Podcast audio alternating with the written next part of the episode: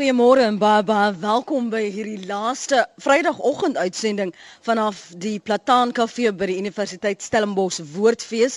Wat 'n week van gesels en dink en debatteer. En baie dankie vir jou aandeel die afgelope week dat jy so getrou hierdie nommer skakel, jou SMS'e stuur en dat jy luister en deur te luister ondersteun jy praat saam en ek is baie dankbaar daarvoor. Veral ook natuurlik ons uh, gaste was vroegoggend opstaan, um, nie noodwendig altyd beskikbaar is om te praat op die program nie, maar hulle wel beskikbaar gestel het uh, hierdie week. Baie dankie aan almal van hulle wat ons dalk nog nie eers in die openbaar weer bedank het nie. Volgens natuurlik weer 'n stel gaste wat reeds um, op die verhoog sit as deel van ons paneel en baie dankie ook aan die luisteraars uh, hier by die Plataan Kafee wat hulle ontbyt so getrou kom geniet het hierdie week. Ons praat ver oggend en ek het al reeds die vraag op Twitter gevra, is privatisering ons voorland en kan dienslewering gelaat word in die hande van private ondernemings? Wie se belang aan die einde van die dag sekerlik wins is. So ek wil graag hê jy moet vir my sê wat dink jy en uh, hoe sien jy dit ontvou? Baie het nou reeds op Twitter gesê wat hulle daarvan dink. Op die verhoog gesels ons met professor Willie Esterhuise. Hy sê hy is 'n pensionaris, ek sê hy's 'n onafhanklike ontleder. Welkom by Praat saam prof. Môre. Môre, môre, En dan dankie. gesels ons ook met uh, Chris Klop, uh, Chris van der Merwe. Chris is die stigter en uitvoerende beampte van Kuru Holdings. Uh, dis hulle werk in die privaat onderwyssektor. Môre Dr. Chris, baie dankie ook vir jou tyd. Goeiemôre. En dan ook hier op die verhoog nog 'n vrou is Anja Smit, sy's 'n navorser en 'n PhD student hier by die Universiteit Stellenbosch, uh, departement ekonomie.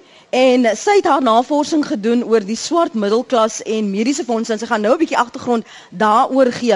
En natuurlik ook op die verhoog Chris Klopper. Hy is by SAOU en welkom ook aan jou. Uh, Chris, dankie vir jou tyd vanoggend. Natuurlik meer 'n vakbond. Ek wil net gou vinnig jou terugvoer kry oor ehm um, die minister en um, die president Zuma wat sê ons gaan nou onderwys ehm um, gesogte beroep verklaar. Wel, dit is 'n belofte wat hulle al vir etlike jare maak. Um, ek dink die belangrike ding is daar sal meer gefokus moet word op die elemente wat van die onderwys 'n professie maak in plaas van om heeltyd die simptome te dokter. En gepraat van simptome en die realiteit en werklikheid van Suid-Afrika, as ons vra of privatisering van dienste ons voorland in Suid-Afrika is, wat is u gedagte rondom dit professor Esterhuise? Ja, dit is ons voorland. Maar kyk, privatisering, ek wil net sê, is glad nie 'n unieke ding net in Suid-Afrika nie. Dit is iets wat jy wêreldwyd kry. Jy kry twee forme daarvan. Die een kry jy binne in 'n uh demokrasie wat homself verdiep en verbreed en sosio-ekonomies ontwikkel en daar word die hele idee dat die staat 'n welvaarts of welsyns uh, uh, kersfeesvader is word al minder en minder want die die burgerlike samelewing het die vermoë om seker goed self te doen. Ek sou sê daarso ek sê is uh sal ek privatisering onder die onder die slagspreuk wil sit privatiseer en floreer. Dan kry jy 'n tipe privatisering waar mense uit die uh, burgerlike samelewing hulle self eintlik moet beskerm. Uh, dan kry jy 'n situasie van uh, privatiseer of emigreer en die armes krepeer. En dit het te maak met die feit dat die staat 'n onvermoë het struktureel om die dienste te verskaf wat hy veronderstel is om te verskaf. Dan kry jy 'n konflik wat dit uh, is in die voet en die ongeluk is uh, daardie vorm van privatisering werk ook met 'n bepaalde klasse verdeling dan die die, die ryk en arm is nie meer net ras nie dit word nou klas en mense koop hulle veiligheid hulle koop hulle uh, hulle onderwys en dis meer dit is 'n ander vorm van privatisering As ons praat van koop onder uh, koop jou veiligheid, koop jou jou onderwys, die die die die die verskil tussen die wat het en die wat nie het nie en die wat toegang het en die wat nooit sal hê, daardie klas word al hoe groter, die die gaping raak al hoe groter. Waar laat dit dan vir die middelklas? Gaan jy maar net privatiseer? Om want want aan die einde van die dag gaan jy na jou eie belange wil omsien? Tot 'n groot mate is die onderwys vir middel vir die middelklas in Suid-Afrika reeds geprivatiseer. Ehm um, by die staatsondersteunde skole is daar 'n groot persentasie van semi-privatisering reeds plaas te vind. Mens moet net kyk na die um, statistiek. Ehm um, staatsondersteunde skole neem meer as 50 000 mense in diens. Hulle het omtrent so 30 000 opvoeders. Dit is meer as die totale werklike privaat skoolsektor En onderwysers of kom ek sê eerder ouers bestee in die omgewing van 13 miljard rand al aan die in die vorm van skoolgelde uh vir vir daardie staatsondersteunde skole. So dit is reeds daarso. En en dit is die beweging volgens jou meer omdat mense ontnigter is met die dienste wat hulle kry en dat hulle dit nie die enigste alternatief is.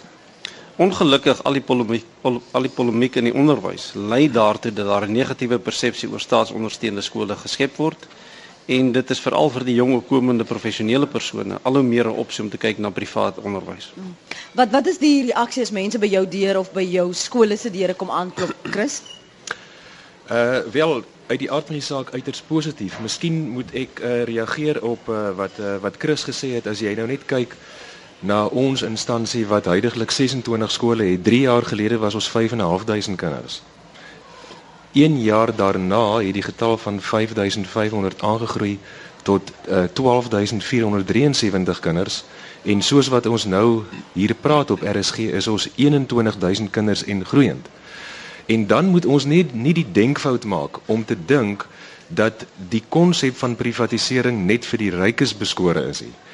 Ek kan uh, ver oggend hier op die radio getuig daarvan dat ehm um, as jy die beginsel van bekostigbaarheid respekteer en jy kan kwaliteit daaraan verbind, dan blyk dit vir my dat die uh, privatisering van dienste 'n uh, werklik ware oplossing vir hierdie land kan wees.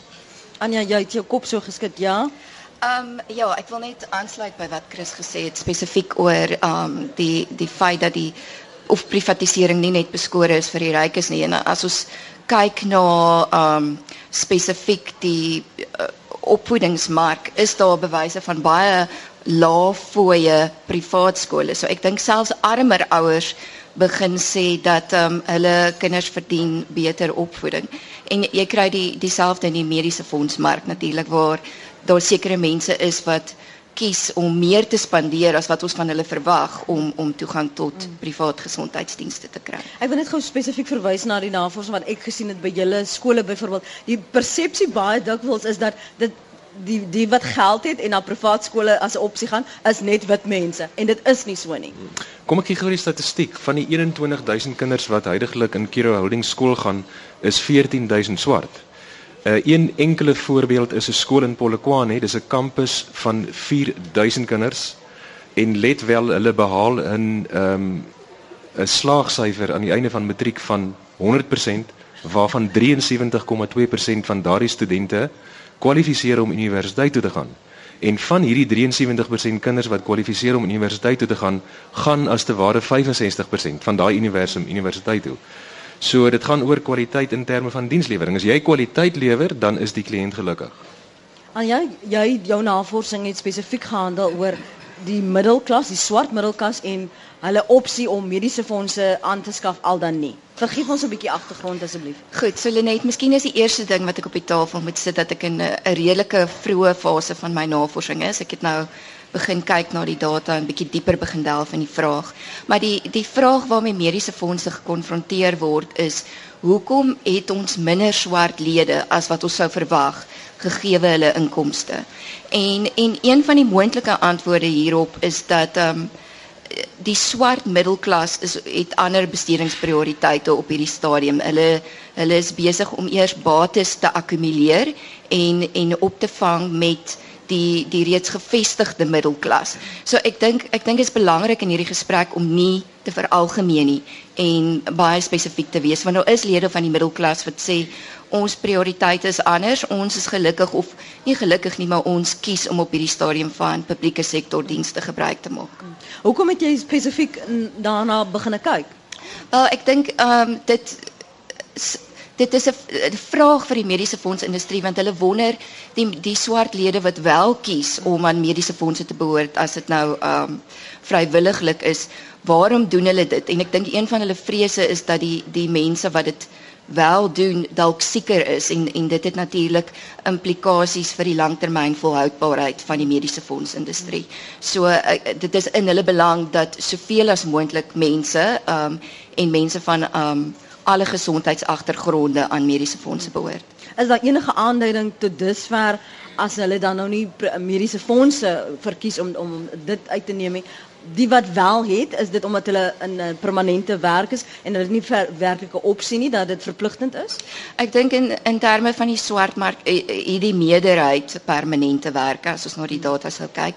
Ehm die die ander interessante punt wat op hierdie stadium uitkom is dat lyk like, en en dit sal nog verder in diepte ehm um, verken word. Dit die swart lede geneig is om minder lede binne hulle families te dek. So dit is dalk die die werkende familielid wat die die dekking het. Kan ek net gou terugkom na die die lede wat jy het? Van waar kom hulle? Is dit al reeds gevestigde mense in gegoede buurte of is dit 'n geval waar jy in sommige van die staatskole kry ons ry liewer 'n kind aan met 'n taxi van die een woonbuurt na 'n ander woonbuurt omdat die skool daar 'n reputasie het as 'n goeie skool. Hoe is dit is dit al gevestigde middel swart middelklas of is dit mense van minder gegoede buurte wat moeite doen om die kinders by die privaat skole te kry? Hier's die interessante beweging. Uh in terme van Kiro Holdings het ons vier handelsmerke. Ek gaan net gou-gou jou vraag beantwoord deur te verwys na twee van die handelsmerke want die beginsels van die twee handelsmerke verskil. So jy het 'n tipiese private skool wat onder die handelsmerk Kiro resorteer. Uh die tipiese kliënt kom uit die LSM groep 9 tot 10. So hulle is welvarend. Hulle gee nie om om 'n hoë premie te betaal vir private onderwys nie. Dit is egter nie die toekoms van die land nie. Dan wil ek weer ehm um, fokus op die een voorbeeld in Polokwane wat ehm um, resorteer onder ehm um, ons ander handelsmerk ehm um, Meridian. Nou goed, die skool se naam is Northern Academy. Nou kom ons praat gou oor daardie tipe ouer. Interessant uh vir die luisteraars, die ouer woon in 'n shack.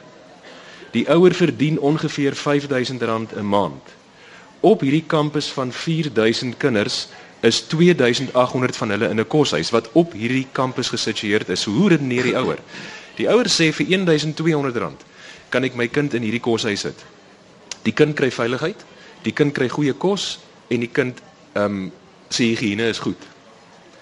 Vir 'n ekstra R1100 kan die kind 'n private skool aangrensend uh, tot die koshuis bywoon, so vir 'n totaal van omtrent so 2500 2600 rand. Nou let wel, daai ouer verdien 5000 rand. Is ek as die ouer gewillig om daardie kind af te deel uit my shack uit. Ek het nie 'n Afrikaanse woord vir shack nie. Miskien kan jy vir my met 'n nuutskepping help. Uh so dit dit maak sin. Daarom het ek net nou uh uh in leiding tot die gesprek die stelling gemaak ons ons moet pas op. Is ons sê uh private dienste is net vir die rykes beskore. Mm.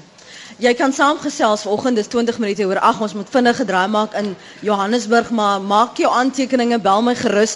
Um ek het sien hier is 'n paar SMS'e al reeds um aanry wat sê liewer privatisering met diens en wins as staat sonder diens eh, of misbruik van fondse. Privatisering is klaar besig om te gebeur skryf um, iemand François van Potchefstroom. Die private sektor dupliseer reeds byna alle staatsfunksies soos hospitale, polisiediens, opvoedkunde, selfs watersuiwering en elektrisiteit. Die staat volgens François van Potchefstroom is 'n leedop waarin die armes uitgelewer is. Ons praat vanoggend oor privatisering van dienste of dit die uitkoms is vir die middelklas. Um ons ons nou gehoor het in die een voorbeeld, is dit nie net die middelklas wat uh, privatisering as 'n opsie, as 'n lewensopsie en uh, vir hulle kinders en nageslag sien nie. Maar wat is die implikasies daarvan as almal na die private sektor toe gaan? Um is dit 'n geval van beter dienste? Um is dit 'n geval van ons het nie ander keuse nie? En wat dan is die implikasies vir die private uh, vir ekskuus tog die die regering?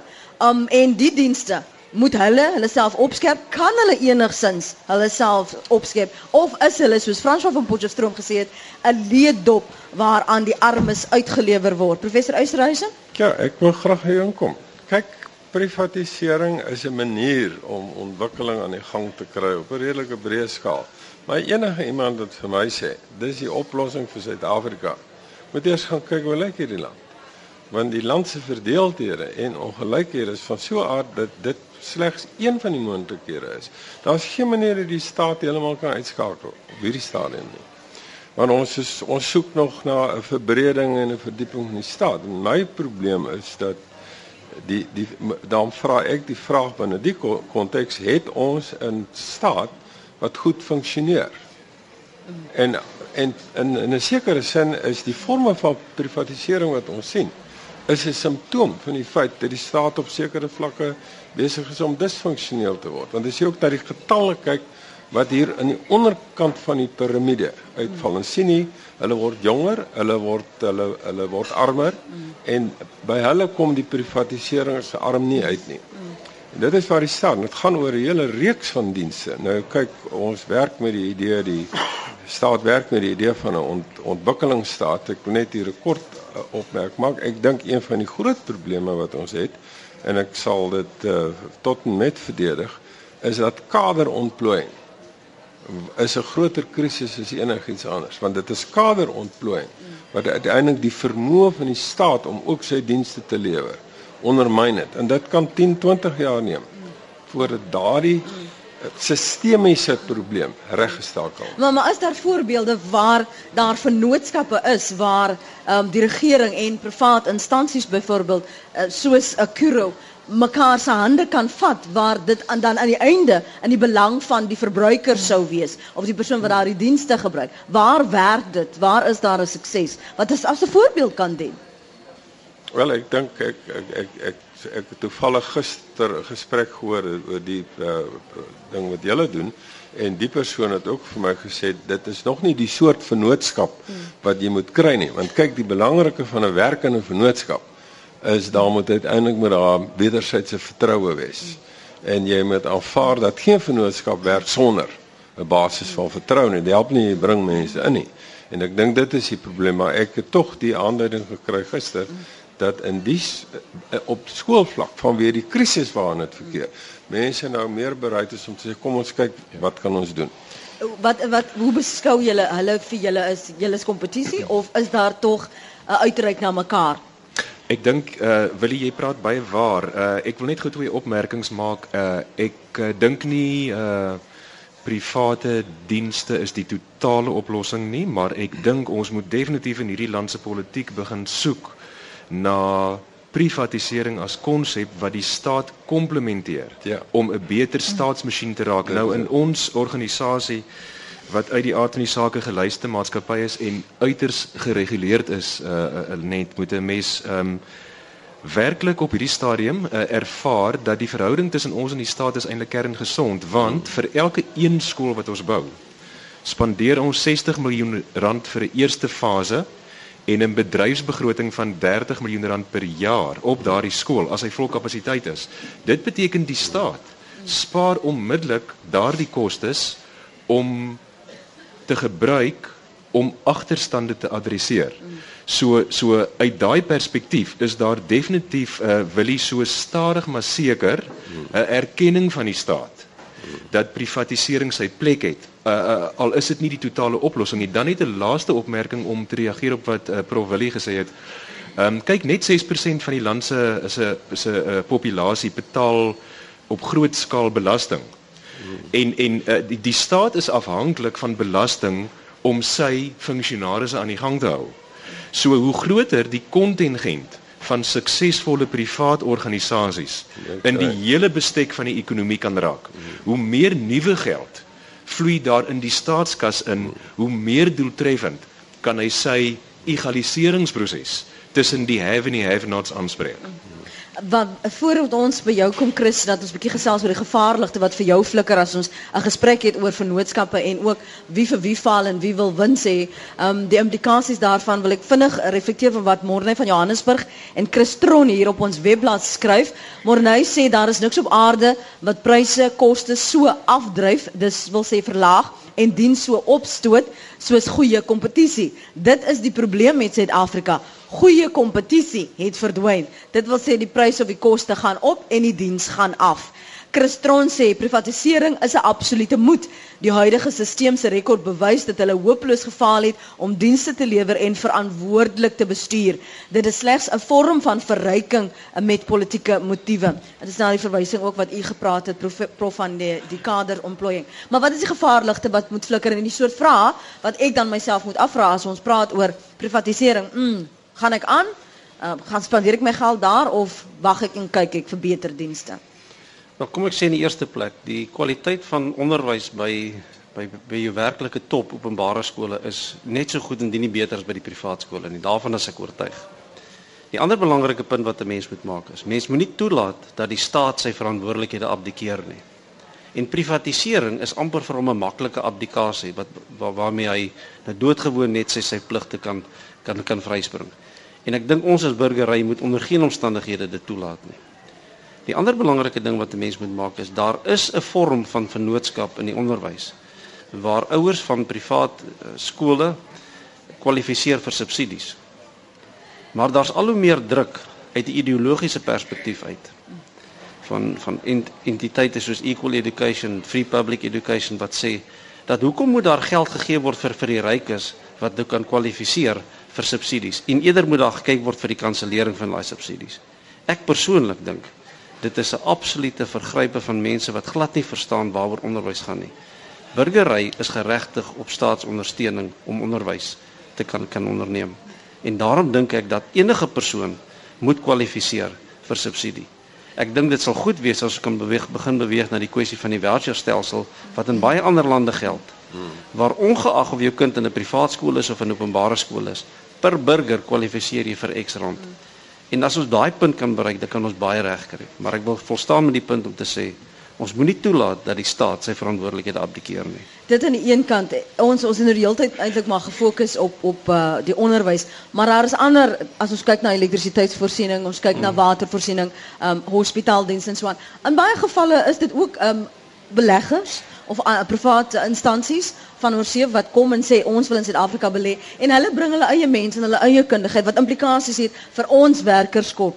Hoe bestuur jy so 'n proses waar jy daai kundigheid in blootstelling wil hê, maar jy wil nie net nog meer uh, meer werksverliese meebring nie. Wel ek dink die belangrike ding is wat mense vir mekaar moet sê as jy daai proses wil bestuur, dan moet jy mense geborgel laat voel in 'n land. Jy moet voel hulle is deel van die land, hulle kan 'n bydrae lewer en dat hulle nie net vervreem word nie. En ek dink dis die kuns wat wat ons regering nog nie reg gekry het nie. Hy het nie reg gekry om die middelklas deel te maak van sy vennootskap nie. En die oomblik wat hy dit gaan regkry, gaan hy 'n groot klomp kundigheid gaan hy ontsluit wat hy kan benut op talle gebiede, op die mediese gebied, op die sekuriteit en gesondheidsgebied en ook op die onderwysgebied.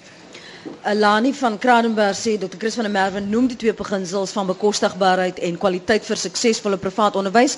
Voeg hierby die belangrike beginsels van goeie bestuur, integriteit en nie diskriminasie. Kom ons gaan na ons lyne toe. Dankie dat jy vir my daar aanhou. Anoniem môre. Goeiemôre, gaan dit goed vanoggend? Ja, en jy? Nee, ek kan nie daai dankie. Ek dink persoonlik, uit persoonlike ervaring, dink ek privatisering, veral in die mediese rigting, dink ek dit is dit 'n mens kry eh, weet die mense kan dit altyd bekostig nie, maar mens kry soms baie meer goeie diens. Ons was 'n rukkie terug weet byvoorbeeld by 'n staatshospitaal gewees, jy weet word weggewys of kom môre terug of ons kan nie nou help nie. So dan betaal ou liewer meer en jy weet jy kry goeie diens. So ek dink privatisering vir ons dink ek dit is dit kan werk moet dink ek persoonlik. Dis maar my eie persoonlike opinie. Goed dan. Dankie dat jy saam uh, praat en dankie dat jy geskakel het. Jampie Koen tweet: Ek glo nie dit is 'n aanleiding van die vraag is privatisering van dienste 'n uh, uitkoms ons voorland.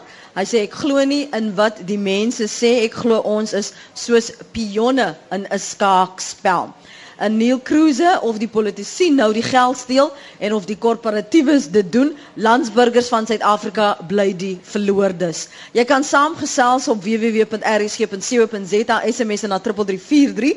Kom ons kyk na wat is ons voorland as privatisering dan nie die enigste alternatief is nie.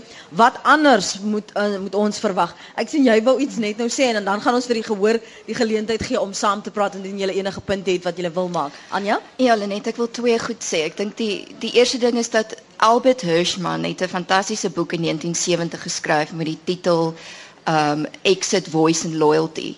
En dit is van toepassing op politieke stelsels, dit is van toepassing op um markte, die publieke sektor en hy het basies gesê dat die die gebruikers van 'n diens of 'n produk um wanneer hulle ongelukkig daarmee raak, het twee opsies. Hulle kan hulle ongelukkigheid uitdruk, hulle kan dit voice um hulle kan die stelsel verlaat, maar daar's 'n klein faktor in die middel, loyaliteit wat 'n impak gaan hê op um mense se keuses op die einde.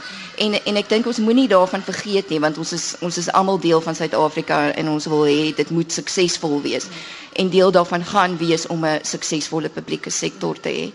Um om dan aan te sluit by daai punt. Ek dink daar's baie goeie voorbeelde van vennootskappe tussen die staat en die publieke sektor in die in die mediese sektor. Ehm um, en en daar moet ons spesifiek onderskei tussen ehm um, menslike hulpbronne en kapasiteit en infrastruktuur. En ek dink beide die staat en die publieke sektor kan kan daai goed bied alhoewel die publieke sektor se se menslike hulpbronne baie keer meer beperk is. So byvoorbeeld begin publieke hospitale nou saamwerk met privaat apteekgroepe om um, die die mediese voorskrifte vir die publieke sektor gebruikers uit te deel. Ehm um, daar is privaat hospitaalgroepe wat ehm um, publieke dienste lewer. So letterlik 'n paar beddens in privaat hospitaal is publieke sektor beddens. Ehm um, en ek ek dink ons moet begin vra hoe kan ons dit beter maak? Ja. En en as 'n mens byvoorbeeld sien so vir baie lank is het ons so gesteun op nie regeringsorganisasies om van daardie dienste te ondervang, maar weens befondsing is daardie daardie um, moontlikheid alternatief. Dit is ook nie nou nie meer daar nie. Dit nou begin reën, maar mense wees rustig, wees rustig. As jy nie bang is vir water nie, uh, kom ons gesels nog 'n bietjie verder. Kom ons gaan na ons lyne toe en uh, my gaste gaan aantekeninge maak van wat ons luisteraars sê. Pieter Jacobs is hier in, in Kelsrivier, so om die draai môre Pieter. Goeiemôre. Uh, ek luister ek luister met groot uh, genot in die gesprekke wat daar is. Maar as net nou iets genoem en is 'n shack. Ek wil net vir julle reg help, as ek is of as hy klein is, dan is dit 'n slaaphokkie. As hy 'n bietjie groot is, dan is dit 'n woonhokkie. Dit is hoe uh, nie is nie 'n woord wat ek gekwoek het nie, is 'n woord wat ek maar onder die mense hoor. Goeie dag vir jou, geniet uh, geniet dit. Ons is dankbaar vir jou vir jou bydrae. Pieter, baie dankie. Um jy jy en ek is nou ietwat wyser. Chris, reg, kom ons hoor wat sê Nelia Lou van Hermanus. Môre Nelia. Goeiemôre Nenet. Ehm um, Lenet, ek wil net iets sê oor hierdie priv oor privaat skole. Ek ek het nie veel te sê oor ander privatisering nie. Maar ehm um, dit is tog my persepsie en ons ons moet dit weet dat privaat skole is 'n besigheid. En ek vind net dat daar is 'n beweging uh om hierdie besigheid te laat floreer, moet ek 'n skaduwee werp oor alle staatskole en ek dink dit is wat so jammer is. Met ander woorde, daar word geteer op mense se vrese en hulle wantroue ensovoorts en uh, daar is uitstekende, uitstekende staatskole. Iemand het dit reeds gesê en ek dink maar net ouers moet baie mooi kyk in hulle omgewing na die standaard van die staatskole wat daar is. Want baie ouers doen twee werke. Hulle is nie by die huis om met hulle kinders te kommunikeer nie, net om hulle kinders in 'n privaat skool te kan sit as dit nie regtig nodig is nie. Dis eintlik al wat ek wil sê. Baie dankie. Baie dankie Nelia. Um, Nelia is van Hermanus. Jy kan saamgesels en reageer op wat sy sê uh, by uh Twitter op Twitter liewer ekskuus by Lenet Francis 1 of jy kan ons bel op 0218833419 of 8832663 ek sien jy wil reageer uh, dis natuurlik hier's nou twee Chrisse op die verhoog so elke keer moet ek nou hier links of regs wys nou praat ons met dokter Chris uh, van der Merwe vir die luisteraars wat nie hier is om te weet nie Uh kom ons reageer gou-gou op die inbel en uh, dan wil ek net uh ook 'n bietjie met uh ander Chris. Uh uh Chris heeltemal met jou saamstem. Kom kom, kom ons kry net gou-gou ons feite reg. Die X-models die X-model C skole wat huidigelik ook ehm um, gedefinieer word as staatskole kom uit 'n kultuur van baie baie hoë kwaliteit onderwys uit. Uh ek wonder of die luisteraars besef maar die X-model C konsep wat in Suid-Afrika gebore is destyds 20 jaar gelede is van die wêreld se beste konstrukte. Nou goed. Nou wil ek dan net ook sê ehm um, die private skoolkonsep en besigheid, hoe versoen jy die twee? Want baie ouers bel ons en dan sê hulle, "Sjoe, Chris, jy maak wins." Hoe op aarde kan jy jou besigheidskepie aantrek en aan die ander kant jou onderwyskepie aantrek? Die ding is uh ons het besluit ons wil 'n verskil in Suid-Afrikaanse onderwys maak. Uh en dan gaan dit nie help om net een skooltjie teen die bil te bou nie. Dit kan een dit dit dit kan 'n paar pri private manne uh wil 'n uh, paar pensionaars dit doen as hulle 'n banklening by 'n bank kan kry. So daar's hoop vir jou Willie. maar maar maar maar maar toe besluit ons ons kan letterlik 100 van hierdie skole in die land bou. Nou, hoe op aarde kan 'n paar onderwysers genoeg genoeg geld bymekaar skraap om 100 skole elk van 60 miljoen rand te bou? So jy het 'n aandeelhouer nodig. Die oomblik is 'n aandeelhouer jou onder, jou ondersteun om by jou uitkomste kom naamlik om leiers vir die land te skep en te ontwikkel dan is dit mos nou baie regverdig om vir die aandeelhouer wat geduldig wag vir sy opbrengs 'n realistiese opbrengs te gee. So dit is hoe ek die uh, uh dis Nelia wat ingebel het. Ja. Dit is hoe ek haar wil antwoord uh dat dat daar 'n sterk saak uit te maak is en interessant die ouers verstaan dit tog. Mm. Ekskuus Chris, jy wou iets sê? Ek wil reageer daarop. Ek dink ons moet wegkom van die van die sensitiwiteit dat dokters en private hospitale mag geld maak, maar 'n privaat skool mag nie geld maak nie. Inteendeel, is daar meer sensitiwiteit oor gesondheid as onderwys. Mense moet daai realiteit behou. Ons het in Suid-Afrika by die punt gekom wat ons altyd alles aanvaar as bedorf vir jou verniet gegee en onderwys omdat die X-model C skole so ongelooflik goed was en steeds is aanvaar mense hulle moet voortgaan om dit verniet te kry. Ek wil die volgende punt maak. Da, daar word baie keer gesê dat arm skole kan nie presteer nie. Daar's 'n skooltjie tussen Polaborwa en en Senin. Dis 'n pla, dis 'n plaasskool. Al die ouers is ongeletterde plaasouers. Die onderwysers is professionele onderwysers. Daai kinders in daai skool presteer so goed as wat Laerskool Polaborwa en Laerskool Senin presteer ten spyte van die feit dat hulle ouers het nie geld nie en hulle ouers is ongeletterd. En ek dink dit is 'n voorbeeld vir al hierdie ander skole wat die heeltyd armoede pleit en sê dis die rede hoekom hulle nie kan presteer nie. Lenet ek wil graag vir Anja se argument wat sy gebruik het verder neem en die die punt maak en dit is dat privatisering is nie die oplossing vir Suid-Afrika se maatskaplike ekonomiese probleme nie. Wat die oplossing is is vennootskappe. Uh, wat in Engels genoem word private sector public sector partnership, die sogenaamde PPP's. Nou daar is al baie pogings aangewend om dit aan die gang te kry in die, in die in die gesondheidssektor, in die konstruksiebedryf. Ons het alself tronke probeer bestuur met so in in in vennootskap. Ek dink ons het baie goeie lesse geleer, selfs die tolpaaie. Maar ons het nog nie genoeg lesse geleer nie. En ek dink en ek gaan dit hier sê dit is nie die private sektor wat die uh uh probleme is nie dis die staat wat die probleem is want die staat wil die goed beheer en die oomblik as jy 'n staat het wat alles wil beheer dan kan 'n vennootskap nie werk nie korrek so voor ons nie die ding reg kry dat die staat aanvaar dat sonder die vennootskap mm -hmm. gaan hy nie sy sy probleme opgelos kry nie, gaan hy ook nie die kundigheid kry nie. Maar ek dink ons beweeg in daai rigting en ek wil nou 'n soort van 'n ironiese siniese opmerking maak, hoe meer die staat misluk en hoe meer proteste daar is op plaaslike vlak, hoe beter begin ouens begin sê ons het nou hulp van elders nodig. Mm. Maak ons hier is 'n paar menings. Ons privaat skool het ons 12 jaar gelede begin. Dit is gefokus op plaaslike inwoners. Vandag word van die 140 studente meer as 50% 40 km aangryp per taxi daagliks. Ons het al reeds aansoeke vir 2014. Vra jy nuwe aansoekers hoekom hulle kinders so ver sal aanry? Is een antwoord kwaliteit onderrig en dissipline. Ons skool groei. Dis Chris in die Vrystaat. Kom ek stel jou net weer vinnig voor aan ons gaste sodat indien jy nou te laat ingeskakel het en jy gaan wel na ons pot gooi later luister by www.rsg.co.za dan weet jy presies wie die gaste was. Ons sit hier op die verhoog met Anja Smit, sy's 'n navorser en 'n PhD student by die universiteit uh, by die departement ekonomie professor Willie Oosterhuise as 'n onafhanklike ontleder.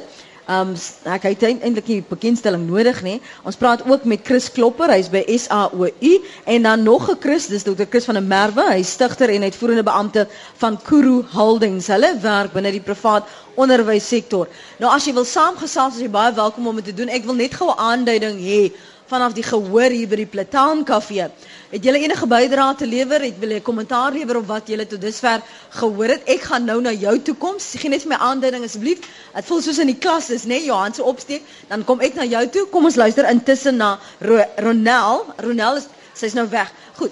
Ja Jacques van Kaapstad. Jacques, jy's 'n ekonom. Wat is jou bydrae môre? Môre. Ehm um, dit privatisering is beslis nie die totale oplossing vir vir 'n land nie en of definitief nie vir Suid-Afrika nie. Die beginsel van privatisering is dat die private sektor dienste verskaf wat die uh wat die staat nie kan of wil verskaf of wil verskaf nie. En ehm um, so uh, ons moet fokus uh, fokus op die regte areas. Byvoorbeeld uh Eskom en en ehm um, uh, SA en die plekke, dit moet geprivatiseer word. Maar ons het ook deur ons hierdie uh neiging wat ons deesdae aanneem om die regering te wil verlos van hulle verpligtinge teenoor die gemeenskap wat uh, baie hoog aangegee word. Dit maak dit hulle nie hulle hulle plig teenoor die publiek versaak. Goed, dankie vir die oproep, Ja. E, wat is u naam en u punt? Ek is Edwin, ek het 'n private hospitaal agtergrond. Ek wil net aansluit by Prof Willie dat die probleem met privatiseringsinisiatiewe lê 99% by die staat ongelukkig. En die goeie vordering wat gemaak is, is eintlik maar 'n druppel in die emmer. Daar kan tonne tonne meer gedoen word. Dan wil ek ook aansluit by Chris Klopper dat ek dink onderwysers en skole is net so geregtig om wins te maak soos dokters, aptekers, fisioterapeute, wie ook al. Maar mens moet ook in gedagte hou dat die mees basiese produkte wat mense benodig, kos en klere, word ook deur winsgenererende instansies en mense geproduseer en gelewer. So wins genereer natuurlik weer belasting en niemand hoef skaam daaroor te wees nie. Dankie. Baie dankie vir die bydrae. Anja, jy wil 'n punt maak juist daarop? Ehm um, ja, ek wil net reag wil reageer op wat Edwin nou net gesê het oor dat jy weet niemand hoef skaam te wees in in die lewering van hierdie dienste in die privaat sektor nie. Ek dink ons moenie naïef wees nie.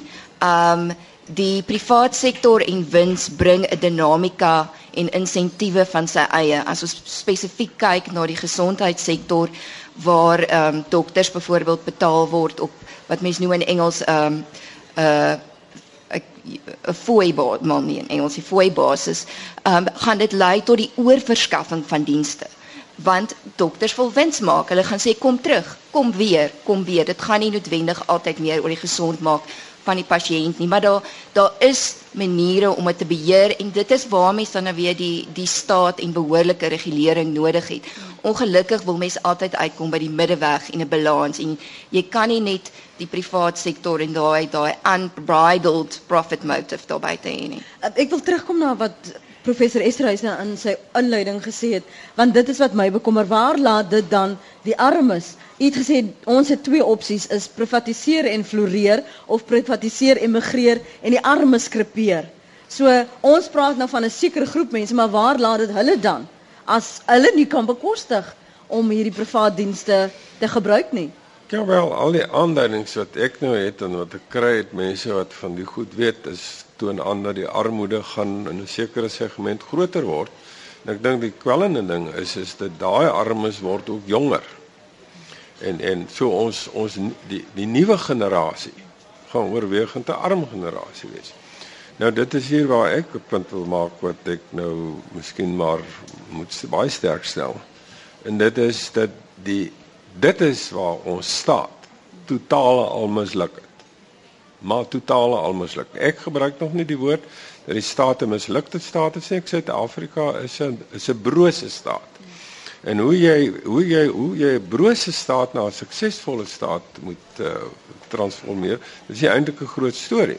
Want dit is baie maklik vir 'n brose staat wat hierdie komponent van arme mense het wat kan val terug na 'n na 'n na 'n uh, 'n mislukte staat en die pad van 'n mislukte staat na 'n kriminele staat is net so kort. Dis 'n kort pad. Nou en, en ek dink die, die jou vraag kan ek nou moeilik beantwoord ek wil sê alvorens ons nie die staat so ver kry om te besef dat hy nie oor die vermoë beskik om dit alleen te doen nie. Dan sit ons in die moeilikheid. Hoe moet jy hom help? Ek dink van plaaslike vlak af in plaaslike owerhede dit is waar mense inset moet maak. Dan kan ek net 'n laaste opmerking ja, ja. maak en ek dink ook dat deel van die probleem is baie groter as wat mense besef want ons het reeds sistemiese korrupsie. En sistemiese korrupsie roei jy nie uit deur die deur deur een of twee ouens in die tronk te sit en jy kan nie 'n stelsel in die tronk sit nie. Jy moet 'n stelsel vernuwe. En dan het jy leierskap nodig. En ek dink dis op die vlakke wat 'n mens moet begin na maar hard praat en en en want dan kan jy die prosesse aan die gang kry. JJVR, twee daar is groot verskille tussen privaat skole en models model C skole is die onderwysers. Kyk na die slaagsyfer en die onderwysers. 'n Gladiator tweet, ek wil net sê my kinders is in 'n model C skool en daar is niks wat ek of my kinders kry nie. Ehm um, mense hoef nie na privaat skole toe te gaan om goeie skoolopvoeding te ontvang nie. Kinders moet weet en leer daar is arm en ryk se se salarisse en dan kan jy verwag dat meeste kinders nie 'n toekoms in hierdie land sien nie.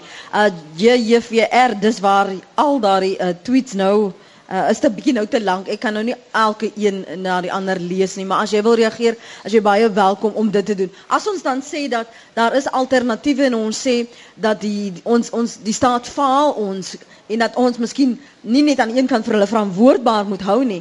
Hoe help jy die armes wat uitgelewer is? Ons kan nie net sê die staat doen dit nie so wat is nou in al, is die alternatief Chris private um, sektor en hulle kan dit nie bekostig nie. Wat dan? Daar's geen twyfel nie en ek dink dis herhaaldelik al gesê die oplossing lê nie lê nie in privatisering. Privatisering is 'n is 'n simptoom van ons fundamentele reg van vryheid van keuse. Dan waarna moet ons andersins kyk? Waarna ons moet kyk is is morele leierskap. Dis wat hierdie land aan ongelooflik arm gaan. Ons het morele leierskap nodig wat vir ons sal vat na wat wat is die elemente wat 'n professie suksesvol maak? En die onderwys is ongelooflik arm daaraan en ek veralgemeen as ek dit sê want daar's 'n persentasie onderwysers wat ongelooflik toegewyd is. Maar daar word gesê dat tot 80% van die stelsel is disfunksioneel.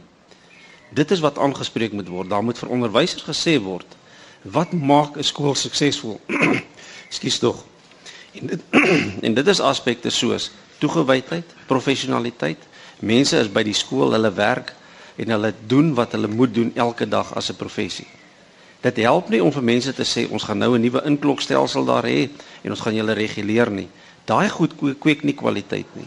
En dit is wat ons weer moet kry by ons op skole. Dit gaan die armes help. Mm. En onderwysers wat loodswaaiers is, hulle moet aangespreek word. Maar ongelukkig is dit nou so dat van die onderwysers is deel van die kaders wat ontplooi is en daarom word hulle nie aangespreek nie want hulle is bang wat gebeur met 'n volgende verkiesing. Wil jy jou laaste gedagtes?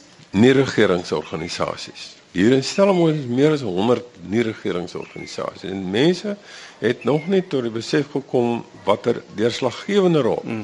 hierdie nie-regeringsorganisasies speel om werk te skep en om dinge aan die gang te kry. En ek dink in daai opsig wil ek sê is daar in Suid-Afrika, ek wil nie die woord welwillendheid gebruik nie, ek dink is 'n goeie woord nie. Daar's in Suid-Afrika is daar 'n is daar 'n 'n 'n 'n drang by mense om om om te help om goed ten goeie te verander. In die nie regeringsorganisasies, dit sluit kerke, dit sluit almal in.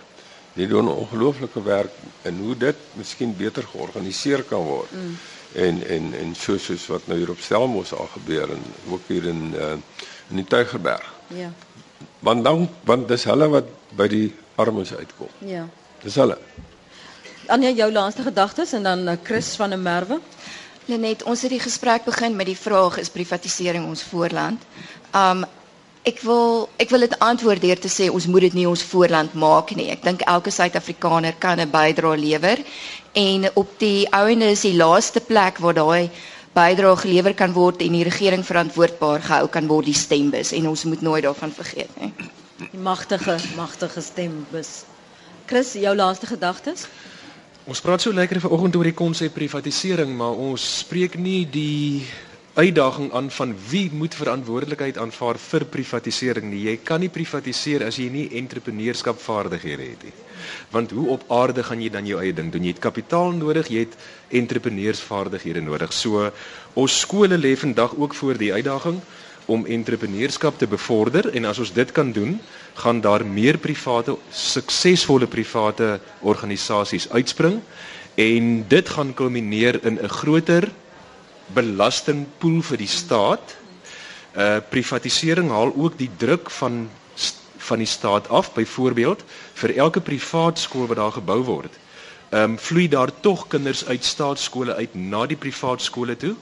Daar ontstaan dus oop gate uh by die staatskole dan is daar plek vir meer kinders en dan haal dit die druk van die staat af om meer skole te bou. So daardie dinamiese samewerking is tog dink ek iets positiefs om na uit te sien. Baie baie dankie aan my gaste uh, weer vir oggend ook en die afgelope week wat vir aan die praat saam gespreksreeks deelgeneem het. Vanoggend het ons gesels met professor Willie Esterhuise, Chris Klopper, Anja Smit en Dr. Chris van der Merwe. En baie dankie aan ons gehoor wat so getrou elke oggend hier kom saam praat het en saam luister het. Waardeer dit vir die wat hier was, maar ek waardeer vir jou ook by die huis. Onthou maandagooggend terug in Johannesburg tussen 8 en 9 weer praat saam as jy wil luister na die potgooi van hierdie program, gaan gerus na www.rsg.co.za en laai dit af. Baie dankie aan die Universiteit Stellenbosch se bestuurskool en uh, natuurlik die organiseerders van die woordfees wat ons hier gehuisves het en die burger en RSG en uh, natuurlik Waldemar Pelser vir die saamwerkingsooreenkoms uh, vir hierdie voorbereiding vir hierdie reeks gesprekke by die woordfees. Dankie ook vir al die tegniese versorging aan Ricardo McCarthy. Julle sien die mannetjie hardloop so op en af hierso. Hy's eintlik daar in ons karavan. Uh baie dankie Ricardo vir jou werk en dat jy vir ons so op ons tone hou en seker maak dat ons goed ons deel doen. Vir Tarin Oosthuizen in Johannesburg. En onthou vir meer sake van aktuële belang kan jy gerus onder aan aansluit by die fokusspan op SABC2. Vir my Lenet Fransis, dit was so lekker om met julle te gesels hierdie week. sien julle maandagooggend vroeg uit die vere vir praat saam op RSG.